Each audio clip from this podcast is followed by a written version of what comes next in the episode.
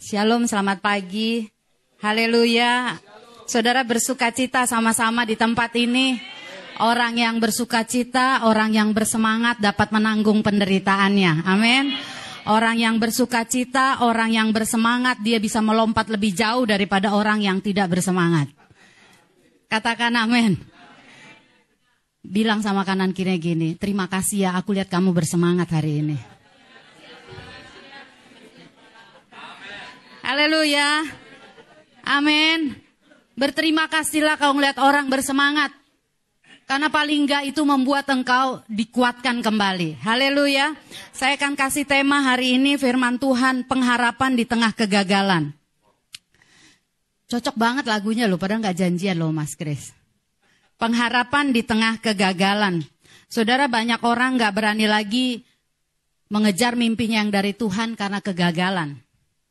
Bukan karena mimpinya ketinggian, bukan. Tapi karena di dalam dirinya tuh udah ada kehilangan pengharapan. Orang gak berani lagi mimpi sesuatu yang jauh dari jangkauannya. Kenapa? Karena dia melihat keberadaannya.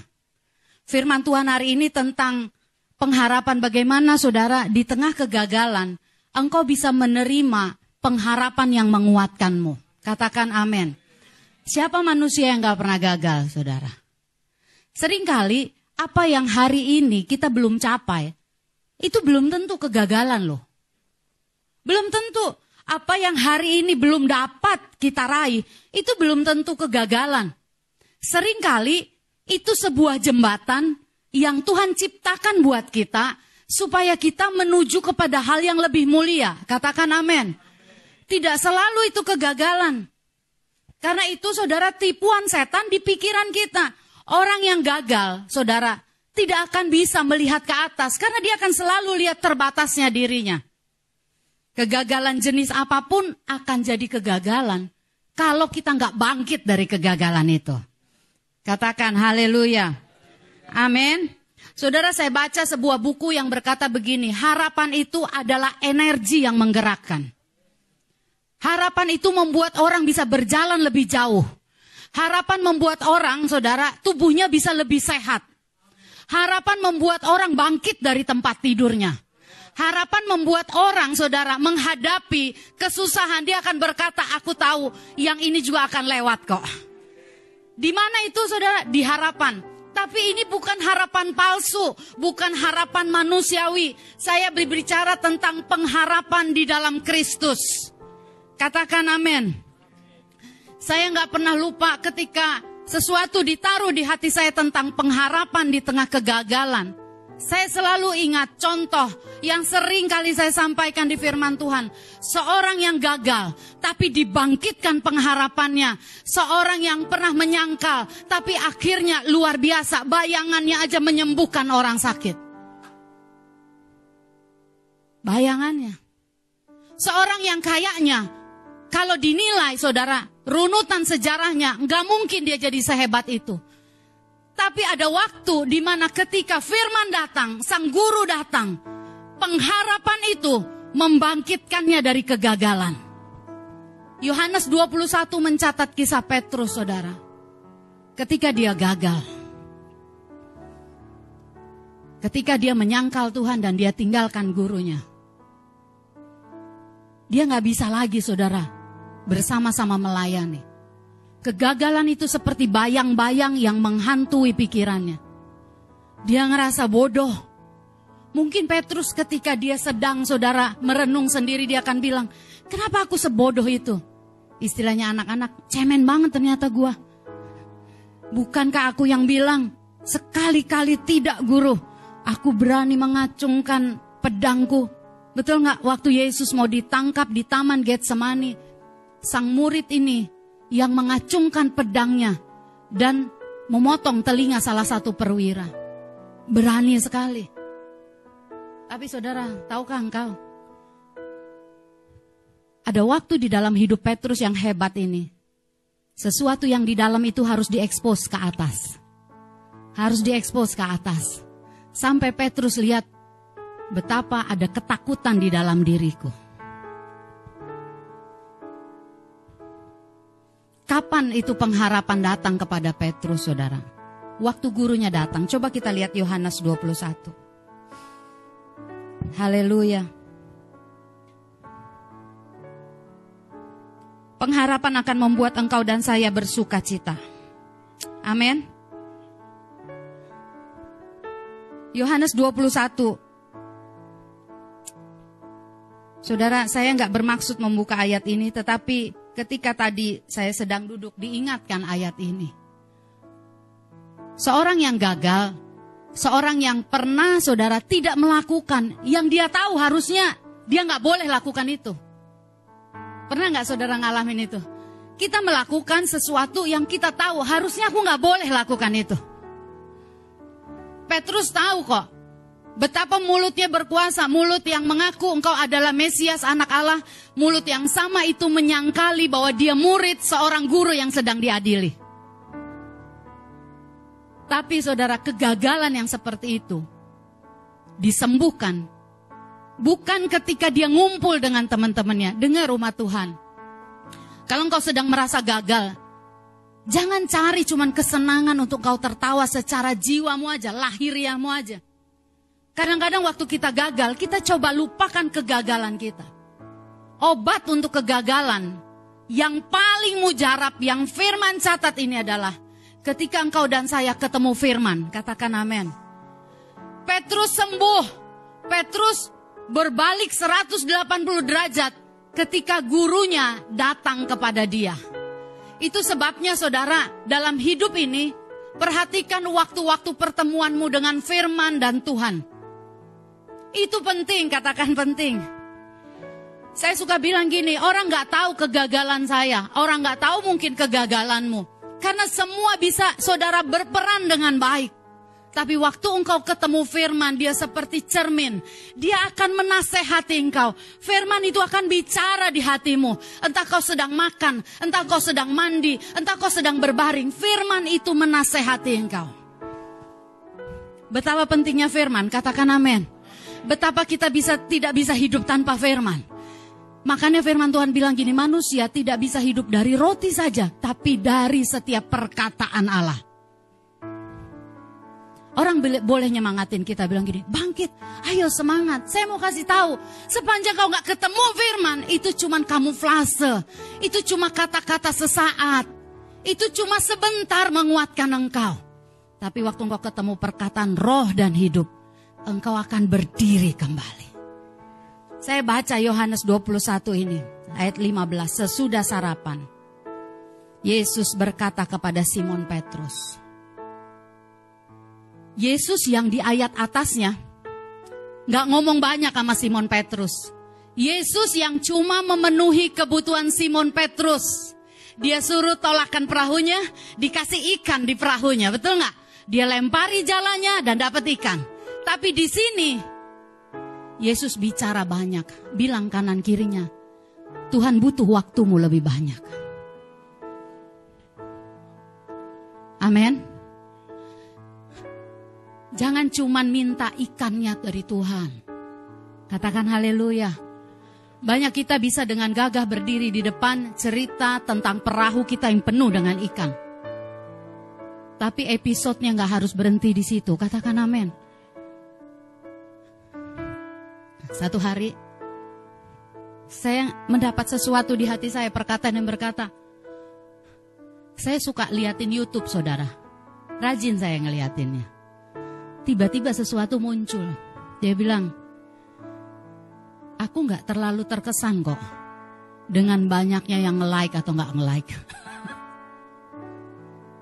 dia bilang tentang hidupmu, dia ngomong tentang saya. Aku nggak terkesan dengan pencapaian, Aku nggak terkesan dengan kesuksesan, aku nggak terkesan dengan rajinnya engkau. Tapi aku terkesan ketika ada rupaku di dalam diri. Haleluya. Waktu rupa Kristus, waktu engkau gagal, adakah rupa Kristus bangkit lagi? Dia berkata gini, sesudah sarapan. Jangan cuma mau sarapan, Ngobrollah dengan Tuhan. Katakan amin. Ngobrollah dengan Tuhan. Waktu Petrus kasih waktunya lebih banyak, gurunya tuh bisa ngomong lebih dalam. Katakan amin. Waktu Petrus kasih saudara dirinya lebih banyak duduk diam, gurunya lebih banyak ngomong sama dia. Tapi waktu Petrus sibuk cari ikan, gurunya nggak punya kesempatan ngomong, Petrus gembalakanlah domba-dombaku. Yang dicuri setan dari hidup kita itu namanya waktu sama Tuhan. Kita pikir kita semua bisa sambilan sampai kita lupa dia mau nasehatin kita. Dia mau kasih tahu sesuatu yang dalam di dalam hati kita. Sampai Petrus disembuhkan. Murid yang lain gak bisa nyembuhin Petrus. Mereka malah ikut Petrus kok jadi nelayan. Saya mau kasih tahu dalam tiap kebimbanganmu. Dalam tiap saudara pencapaian cita-citamu. Jangan terlalu banyak engkau saudara membiarkan dirimu mencari info yang dari dunia Sementara engkau nggak dengar info dari sorga buat engkau. Saya lanjutkan saudara. Dia berkata, Simon anak Yohanes, apakah engkau mengasihi aku lebih daripada mereka ini? Kalau itu ditanya waktu Petrus lagi ngelaut, Yesus teriak, Simon anak Yohanes, apakah engkau mengasihi aku? Anda tahu? Dia akan bilang, hah? Atau dia akan bilang, oke, okay, sip. Yang penting ikan, bener nggak? Betul nggak sih? Simon anak Yohanes, apakah engkau mengasihiku? Oke guru, siap, mantap. Kayak kita kasih komen, ya kan? Mantap. Tapi waktu dia duduk, Petrus nih butuh waktu ditenangkan sampai ditanya tiga kali ditanya, apakah engkau mengasihi aku? Petrus jawab pertamanya apa? Spontan. Aku mengasihi engkau. Yang kedua, aku mengasihi engkau, tapi lebih lama direndam di hadirat Tuhan akan membuat kita bisa terbuka loh sama Tuhan.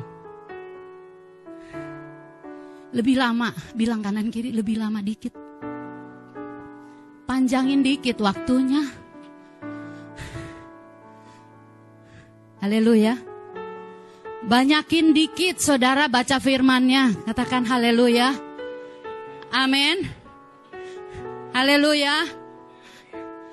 Di situ dia terus terang lihat ayatnya yang ke 17. Kita baca sama-sama dua ya. Kata Yesus kepadanya untuk ketiga kalinya. Simon anak Yohanes, apakah engkau?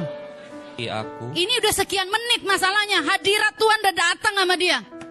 Baru jawabannya gimana? Maka di hati Petrus karena Yesus berkata untuk ketiga kalinya, Apakah, Apakah engkau mengasihi aku? aku? Dan ia berkata kepadanya, Tuhan, engkau tahu segala sesuatu. Engkau tahu bahwa aku mengasihi engkau. Kata Yesus kepadanya, gembalakanlah. Sehabis itu, barulah keluar mandat Tuhan yang sesungguhnya sama Petrus. Dan Petrus matinya dicatat dia nggak mau kayak gurunya, kepalanya di bawah. Seorang yang takut ketika anak kecil tanya kamu kenal Yesus apa enggak, bersedia mati dengan radikal. Waktu apa kegagalannya disembuhkan? Waktu apa pengharapannya dibangkitkan? Katakan amin, amin. Saudara banyak orang yang percaya, nggak benar-benar jadi orang percaya. Makanya dia punya harapan lebih rendah dari orang dunia. Pernah nggak ngomong sama orang lain, pengharapanmu rendah loh. Ya bisa lewatin sehari aja udah untung. Waduh. Darah Yesus yang tercurah itu nggak untuk membuatmu melewati hari lepas hari itu udah untung. Kayak orang dikejar-kejar gitu loh saudara. Tiap hari tarik nafas, masih buka nafas. Firman yang datang itu, itu seperti nyala api yang akan membangkitkan pengharapanmu. Mari kita akan sampai ini poinnya. 1 Petrus 1 ayat 13.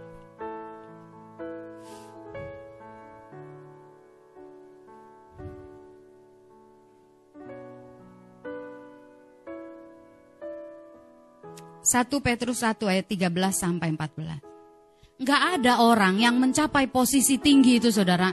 Dia nggak ngelewati jatuhnya kok. Tapi masalahnya banyak orang dia jatuhnya lebih jauh daripada bangkitnya. Jadi hasilnya minus. Betul gak sih? Bayangin gak, kita selalu gini hidupnya, kerohannya. Dari sini, terus kita jatuh ke sini. Besok kita doanya pulihkan balik lagi ke sini. Terus jatuh lagi. Terus doanya apa lagi? Pulihkan lagi. Lah kapan naik ke lantai limanya? Betul? Karena pikiran kita ditembaki, disibukkan dengan banyak hal yang membuat kita tidak bisa melihat siapa kita di dalam Tuhan. Karena kita kurang waktu dengar dia nasihatin kita lebih lama. Amin. Kita kurang waktu dengar dia ngomongin. Pertanyaan yang sama, tapi dikasih durasi waktu yang agak lama. Pertanyaan yang sama, dikasih durasi waktu agak lama. Itu beda jawabannya. Beda. Kalau kau mau nanya Tuhan tentang hidupmu, Tuhan, kenapa aku begini ya? Jangan cuma di atas motor. Jangan cuma sambil masak. Kalau engkau ketemu pembesar, apakah engkau bisa sambilan? Gak bisa. Kalau engkau berkata Tuhan itu raja, jangan lakukan selalu sambilan. Benar sih, berdoa setiap waktu. Tapi jangan sambilan dong. Jangan itu terus-terusan dong. Mungkin Tuhan akan menangis dan berkata, nak, kok caramu menghampiri aku gak berubah nak? Kok caramu nanya masih sama kayak baby? Kok caramu nanya sama aku sama kayak waktu orang baru bertobat? Tapi caramu sama. Nanya Tuhan sambil di mobil, sambil di gojek. Nanya Tuhan sambil mandi, nggak ada yang salah.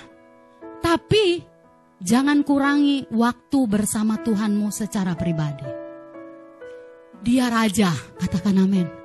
Dia pembesar yang maha agung engkau terhormat duduk sama Tuhan. Saya lihat ya kalau Pak Jokowi datang ke satu daerah ya. Pagi-pagi orang berdiri loh di pinggir jalan. Benar gak sih? Yang ke Lampung kemarin mana Ari? Diri juga gak di pinggir jalan, ngarep-ngarep. Beneran gak orang kecil, gak orang gede loh. Orang tuh ya, saya lihat ada satu di Facebook, seorang yang punya posisi di satu departemen saudara ada rapat di Singapura, tapi dia bukan orang penting banget, tapi dia terlibat di sana. Waktu Pak Jokowi lewat, dia sempat sempetin foto loh. Cuman dapat dia muka segini, tapi ada muka Pak Jokowi, udah kebanggaan loh. Benar nggak? Terus dia pajang di Facebooknya. Itu orang hebat aja, dia biasa sama menteri aja, dia bangga banget bisa foto sama Jokowi, Pak Jokowi, presiden kita. Anda tahu nggak? Anda pikir kalau pikiran kita Tuhan itu pembesar, pejabat, nggak mungkin Anda nggak kepengen duduk dekat dia. Katakan amin. Karena kita selalu pikir aku sahabatnya Tuhan tinggi banget loh gitu. Sahabat itu bercengkrama saudara. Katakan amin. Sahabat itu deket, karib. Sahabat itu bukan waktu ada maunya aja. Bilang kanan kiri. Sahabat itu kalau nggak selalu pas ada maunya doang.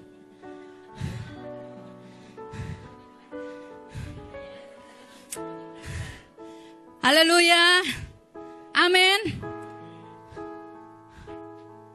Kadang kita bisa nyanyi, sebab kau besar, engkau ajaib. Kalau dia penuh dengan keajaiban, engkau pasti suka dekat dengan dia. Haleluya. Yang buta dicelikan.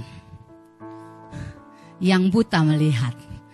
Katakan, ayo kita baca ayat firman Tuhan. Ini yang saya mau sampaikan hari ini pengharapan di tengah kegagalan. Kita baca 1 Petrus 1 ayat 13 sampai 14. Bolehkah saya jemput kita bangkit berdiri? Oke, kita baca ya sampai 14 2 ya. Sebab itu, siapkanlah akal budimu, waspadalah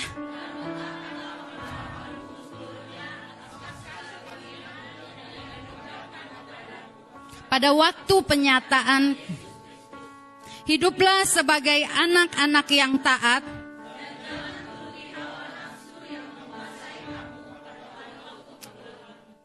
Amin. Silahkan duduk.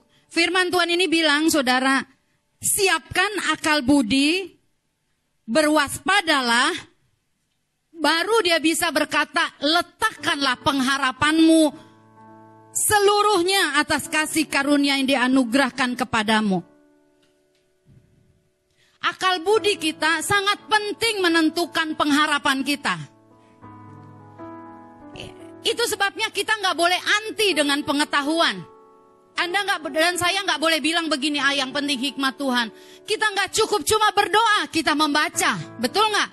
Kita bergaul. Firman Tuhan bilang kalau engkau bergaul dengan orang bijak, engkau akan bertambah berhikmat. Satu Petrus satu ini menjelaskan begini saudara. Siapkan akal budi kita pada waktu-waktu ini. Waspadalah. Kenapa? Kalau engkau waspada, kalau engkau menyiapkan akal budimu, ayat 14 berkata, Hiduplah sebagai anak-anak yang taat dan jangan turuti hawa nafsu yang menguasai kamu pada waktu kebodohanmu. Petrus ngalami pada waktu kebodohannya ketika dia menyangkali gurunya. Kita nih punya saudara ada waktu-waktu kebodohan itu sebabnya firman Tuhan menjelaskan. Sebab itu siapkan akal budimu. Berapa banyak kita yang masih baca buku rohani? Wih, udah nggak ada kak. Nggak perlu. Bukunya ada, dibeli. Ada lagi, ada tiga saudara. Satu, yang nggak pernah baca lagi buku rohani. Aku cuma baca firman. Widih, keren banget. Bagus juga tuh. Tapi saya mau bilang, buat apa ada tubuh Kristus yang lain kalau kita nggak saling dikuatkan? Betul nggak? Satu, dia nggak baca sama sekali. Nggak usah angkat tangan, saudara. Yang kedua, dia rajin beli buku. eh, nggak usah, eh nggak usah ngelirik ke belakang. Tadi waktu yang pertama nggak ada yang ngelirik-lirik kayaknya. yang kedua, dia rajin beli, tapi nggak dibaca. Katakan bertobat. Ada empat kalau nggak salah. Yang ketiga, dia rajin beli, dia membaca, tapi nggak pernah tamat. Katakan haleluya. Udah bukunya belinya yang tipis, ya kan? Saudara, kalau engkau dan saya bertumbuh, saya dulu dimulai dari gitu. Bang Obed kalau bu baca buku segini tuh, saya bilang, kalau saya ke ruangan Mbak Abang, yang saya cari dulu bukunya yang tipis. Dulu yang saya cari bukunya apa? Kesaksian, penting itu. Ya enggak? Aku cari yang bahasanya gampang dimengerti. Itu bukan soal bahasanya gampang dimengerti. Akal budinya belum naik. Katakan haleluya. Saya senangnya buku kesaksian aja. Yang keempat, orang yang membeli, membaca, dan finish. Katakan haleluya. Orang yang tua bisa tetap membaca. Katakan amin opung. Saudara, akal budi ini itu akan membuat engkau bisa melihat dengan benar. Katakan amin. Ada istilahnya orang bagaikan katak dalam tempurung. Anda tahu di dalam tempurung, nggak bisa lihat apa-apa, dia cuma lihat dirinya aja. Satu hari saya datang ke rumah seseorang. Dia nyanyi, saudara, dengan PD-nya. Aku ya ketawa-ketawa geli gitu dengernya. Dia nyanyi lagu apa gue kagak ngerti. Kenapa? Karena orang itu pede. Sementara dia nggak bergaul, nggak bilang begini. Menurutmu tanya kepada orang yang lebih ahli. Betul nggak? Saudara nyanyi di sini bisa pede. Satu hari kalau Judika datang. Eh, dia kan anak Tuhan. Mas Adit jadi WL. Atau Frankie Kuncoro datang di sini. Kasari mimpin pujian. Saudara, dulu kita pernah didatengin Bang Teis ya nggak? Yang main keyboard deg-degan. Aduh aku mainnya nggak bisa lebih baik karena dia pemain keyboard. Tapi saya mau kasih tahu, kalau engkau cukup rendah hati, engkau akan bilang, boleh nggak kasih masukan? Betul nggak? Kenapa kita ngomong gitu? Karena kita mengakui dia memang lebih ahli daripada kita. Tapi kalau orang yang gak ahli, saudara, orang yang gak ahli, yang dia menurut dia, oh Karut mah gak ahli multimedia, aku gak perlu tanya dia. Padahal multimedianya berantakan. Siapkan akal budi, katakan. Amin. Waspadalah. Letakkan pengharapanmu seluruhnya atas kasih karunia. Kalau engkau bisa meletakkan pengharapanmu kepada Tuhan atas kasih karunia-Nya, engkau akan bisa menggenapi Roma 12 ayat 12. Mari kita buka. Roma 12 ayat 12.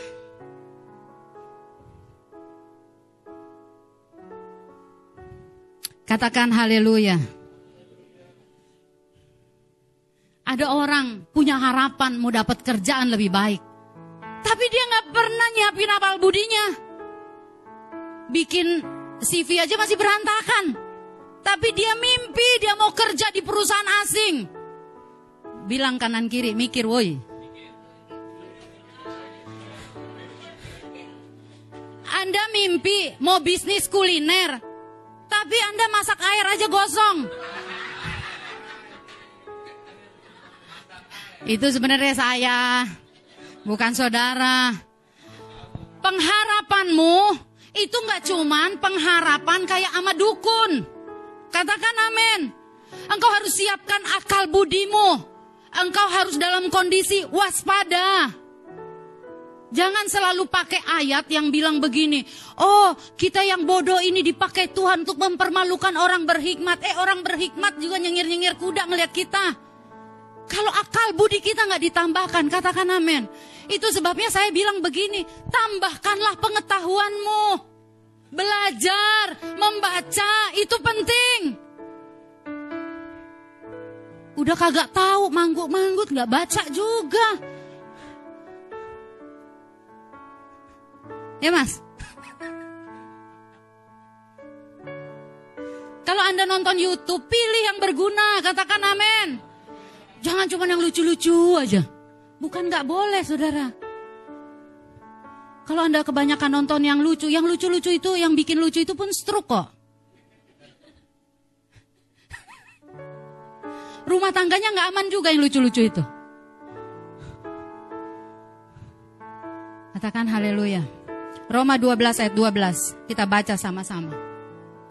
Dua ya. Bersukacitalah dalam pengharapan. Bertekunlah. Coba baca ayat ini buat kita. Sebut namamu. Bercuk, bersukacitalah Foni dalam pengharapan. Sabarlah Foni dalam kesesakan. Dan bertekunlah Foni dalam doa. Baca bukan buat orang. Baca buat kita. Kalau engkau hari ini dalam pengharapan, bersuka cita. Engkau belum lihat keadaannya berubah, bersuka cita. Engkau dalam kesesakan, minta kesabaran, katakan amin. Ayo bangkit berdiri, baca ayat ini. Sebut namamu. Kenapa saya seru sebut nama kita? Anda harus tahu begini, jangan sebutin nama tetanggamu ya. Saya liatin dari sini. Mas saya di sayap kiri ini bahaya. Mereka saling sebut-sebutan. Kenapa harus sebut nama? Karena firman itu yang pertama-tama buat diri kita. Amin. Yo, dua ya. Bersukacitalah Foni dalam pengharapan.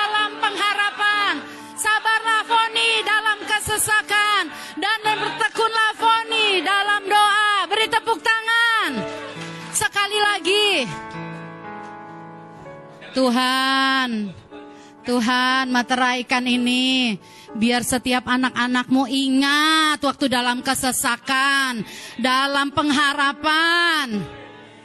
Baca lagi, baca lagi. Haleluya. Mau saling baca apa mau baca sendiri nih? Bolehlah kalian ambil pasangannya dulu, baca ini.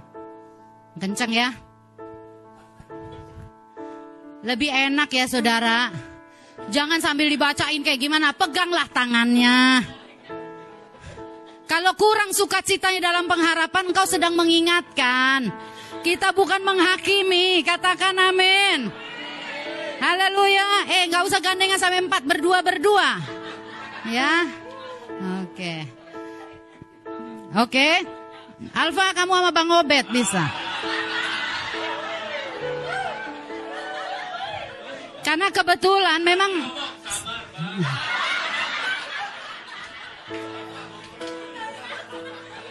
Ya nih. Enggak, nanti Alfa ini ada pesan sponsor dia. Alfa tuh mau bilang gini. Sabar ya bang sama aku.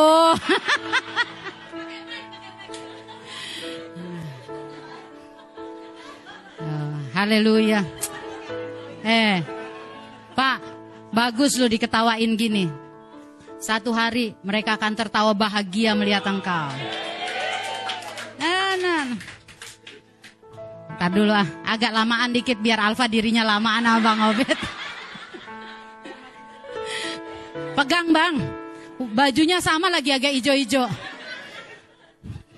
Calon pendeta nih.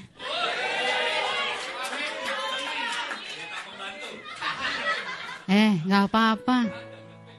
Pendeta pengusaha. Berarti PDP, pendeta pengusaha. Oke. Saling lihat-lihatan. Saya mau lihat semua udah ada pasangannya. Oke. Oke. Mbak Christine sama siapa? Sama Gita ya? Oke. Yuk baca ayat firman Tuhan ini dua ya. Bersukacitalah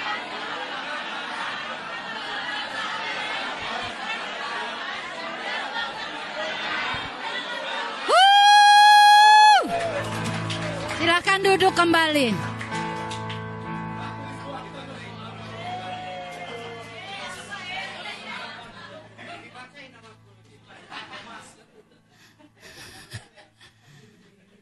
Enak. Jadi kita saling menghotbah aja kan lebih enak toh. Daripada yang depan khotbah sendiri. Anda kayak ngerti kayak enggak ya kan?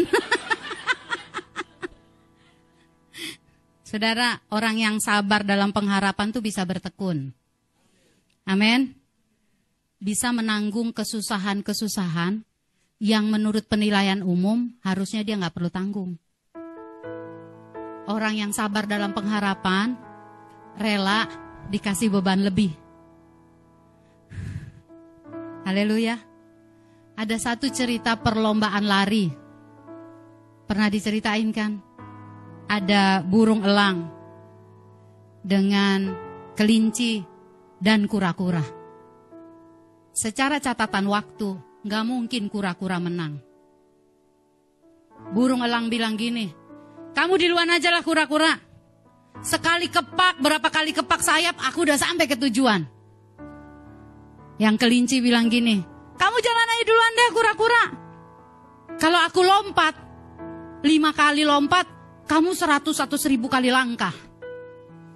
Kura-kura sadar langkahnya terbatas. Binatang aja sadar ya.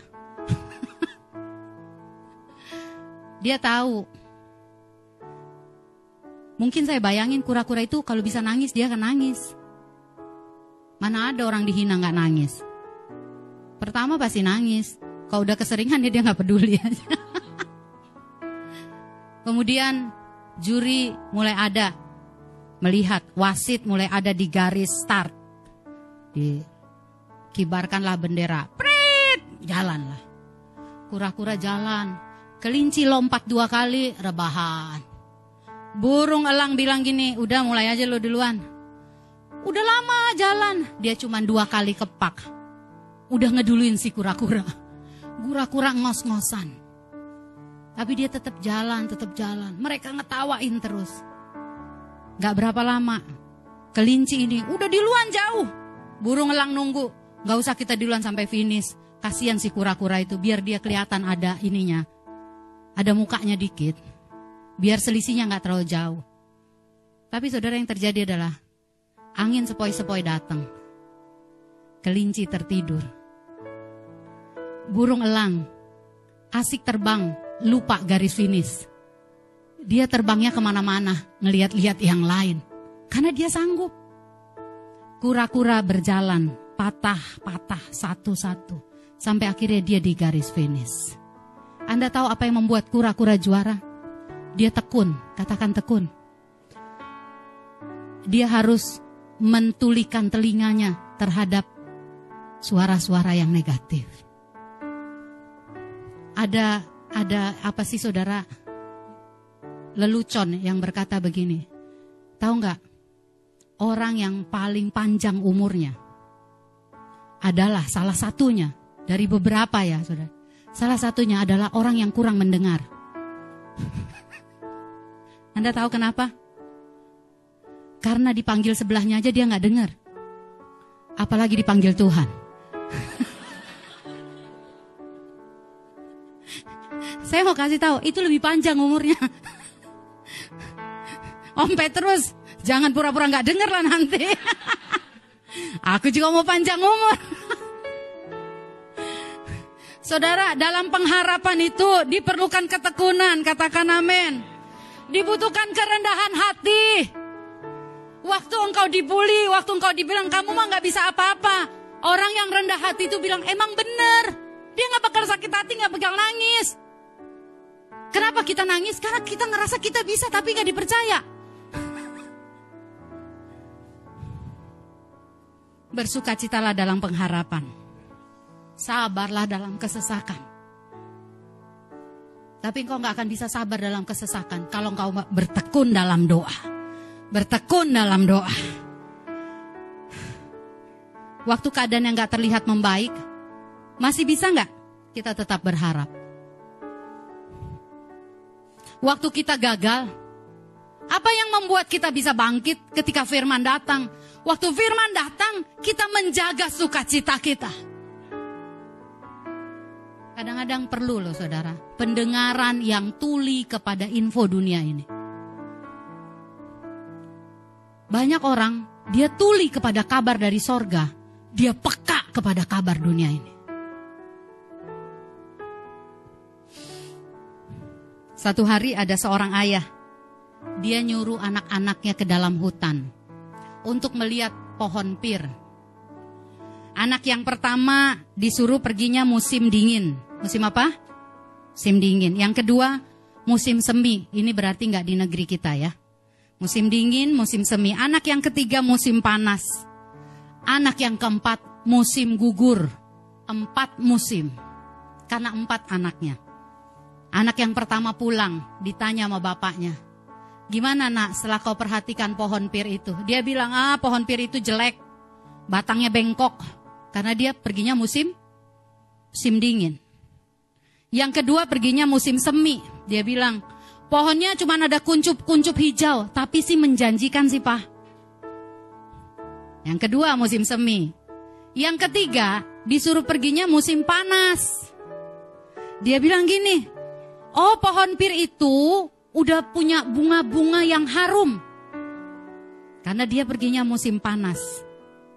Dan yang terakhir dia disuruh pergi bapaknya musim gugur. Anak yang keempat bilang gini, aku nggak nggak setuju dengan tiga saudaraku. Dia bilang gini, pohon itu penuh dengan buah yang matang dan ranum. Pohon pir itu menghasilkan buah yang penuh dan ranum. Aku nggak setuju dengan ketiga saudaraku. Mereka datang seperti bangsa Israel kasih laporan sama Musa. Empat anak membawa empat laporan yang berbeda. Dan sang ayah bilang begini, Sebenarnya tidak ada yang salah sama kalian. Semuanya benar. Tetapi itu berbeda karena kalian melihatnya di waktu yang berbeda.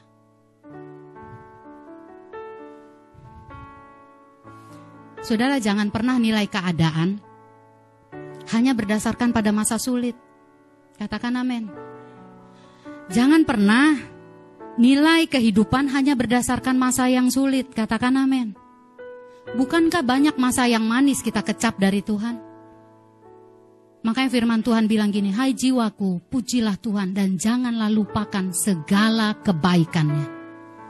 Kalau hari ini engkau dalam kesesakan, jangan lupakan segala kebaikannya. Kalau engkau sedang menanti pertolongan dan belum datang pertolongan, jangan lupakan segala kebaikannya. Katakan amin. Ketika kita sedang mengalami masa sulit, saudara, sering kali di hati kita ini, kalau engkau nggak jaga sukacitamu, bisa rontok. Amin. Kalau kamu nggak sabar di musim dingin, kamu nggak bisa sampai di musim semi. Betul nggak? Yang tadi dia bilang, oh cuman ada kuncup-kuncup hijau. Kalau kamu nggak sabar di musim semi, kamu gak bisa masuk ke musim panas ngeliat bunga-bunga. Kalau kamu nggak sabar dengan musim panas, kamu nggak akan masuk ke musim gugur ngelihat buah matang. Katakan amin. Bersama Tuhan selalu ada pengharapan. Haleluya. Apa kondisimu saat ini, saudara? Ada pujian yang kita akan naikkan.